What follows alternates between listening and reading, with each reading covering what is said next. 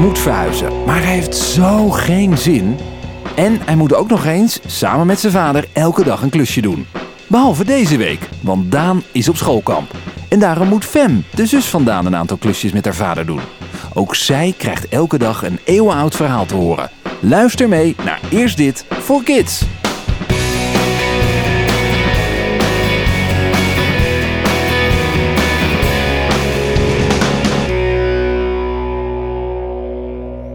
Fem, vandaag gaan we even alle verkleedkleren uitzoeken. Vandaan mocht alles weg behalve zijn cowboyhoed. Oh, leuk. Ik heb al heel lang niet meer in deze kist gekeken. Kijk eens wat ik hier heb. Een rood met zwarte stippenjurk. Ah, mijn Spaanse jurk. Die houden we hoor. Die kan Isa later misschien ook nog wel aan. Pap, hoe liep het trouwens af met de koning die liefdesverdriet had?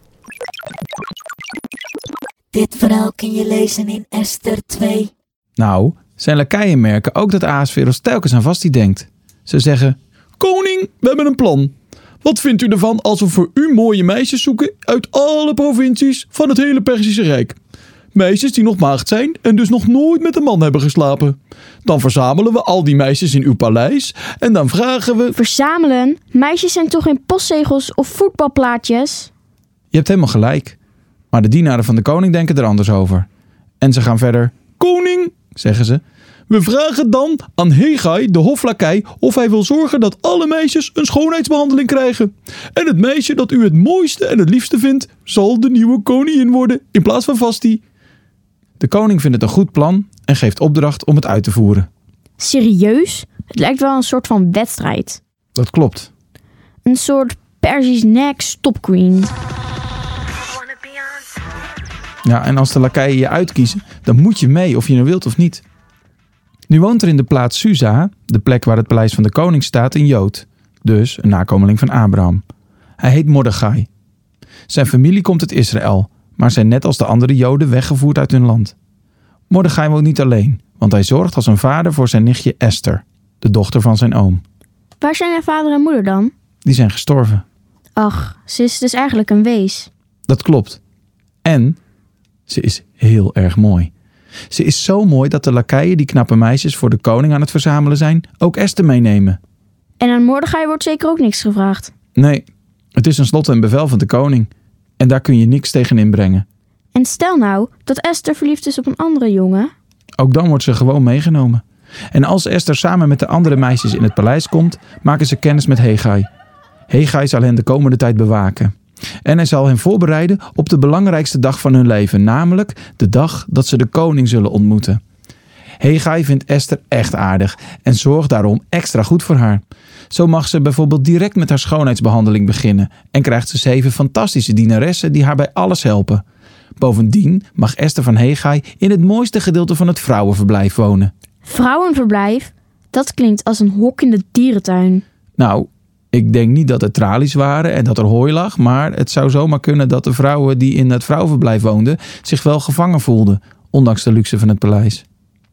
Esther heeft trouwens in het paleis tegen niemand gezegd dat ze Joods is. Dat had Mordechai haar verboden. Hoezo? Ik vertel toch ook gewoon als ik op vakantie ben dat ik uit Nederland kom? Ja, later in het verhaal zal wel duidelijk worden waarom Mordechai wil dat Esther haar afkomst geheim houdt. Ziet Mordechai Esther ooit nog terug? Gelukkig wel, want Mordechai wandelt iedere dag langs het meisjeshuis om te checken hoe het met Esther gaat. Als je als meisje in het vrouwenverblijf woont en je een schoonheidsbehandeling van een jaar hebt gehad, dan ben je. Hè? Een schoonheidsbehandeling van een jaar? Dan krijg je dus elke dag een maskertje.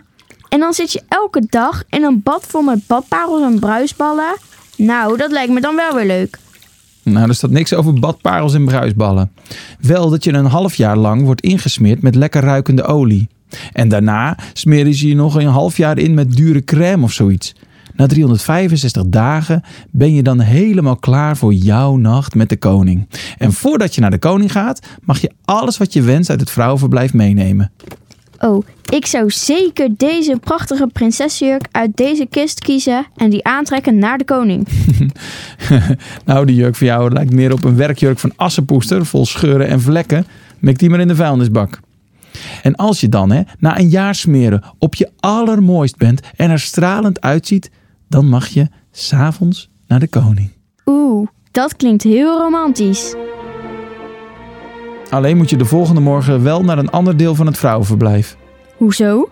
Nou, daar wonen namelijk al de vrouwen die al met de koning geslapen hebben. En niemand van de bijvrouwen mag opnieuw naar de koning, tenzij de koning speciaal om haar vraagt. Verschrikkelijk. Al die eenzame ex-vrouwen bij elkaar. Tja, als Esther trouwens aan de beurt is, kiest ze niks zelf uit om mee te nemen, maar ze vraagt Hegai om advies. Hegai weet natuurlijk precies wat de koning mooi vindt. En iedereen die Esther ziet, kijkt vol bewondering naar haar. Dan wordt, vier jaar nadat Vasti verstoten is, Esther bij de koning in het paleis gebracht. En de koning vindt Esther echt een schitterend mooi chickie. Een mooi chickie. Meisjes zijn toch geen kippen? Ja, ja, dat zei ik ook al tegen Daan. Wat heeft Daan hier nu weer mee te maken? Ach, laat maar. In ieder geval is Ahasveros vanaf het eerste moment dat hij Esther ziet stapelgek op haar. Hij zet de koninklijke kroon op haar hoofd en Esther wordt koningin. En iedereen die in het koninkrijk woont, krijgt een vakantiedag. De koning geeft ook allemaal cadeaus weg en houdt voor alle belangrijke mensen in zijn rijk een groot feestmaal ter ere van Esther. Want de koning vindt Esther fantastisch. En de vlinders schieren bij Ahasveros door zijn lijf. Pap, ik heb dit verhaal wel eens eerder gehoord. En ze leefde niet de hele tijd lang en gelukkig, toch? Dat klopt. Want op een dag is Mordechai aan het werk in de koningspoort. En dan? Ja, dat hoor je morgen. Want de verkleedkleren zijn uitgezocht. Deze klus is geklaard. Gelukkig is er morgen weer een. Ja, leuk. En pap, wist je trouwens dat, om niet op te vallen, de rups van een Else elflinder zich vermomt als vogelstront? Ja, ja.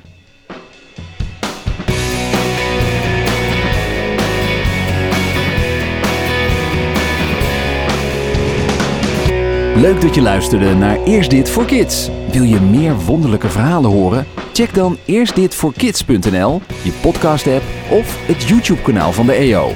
Eerst Dit voor Kids wordt gemaakt door de Evangelische Omroep, IZB en NPO ZEP. Tot morgen!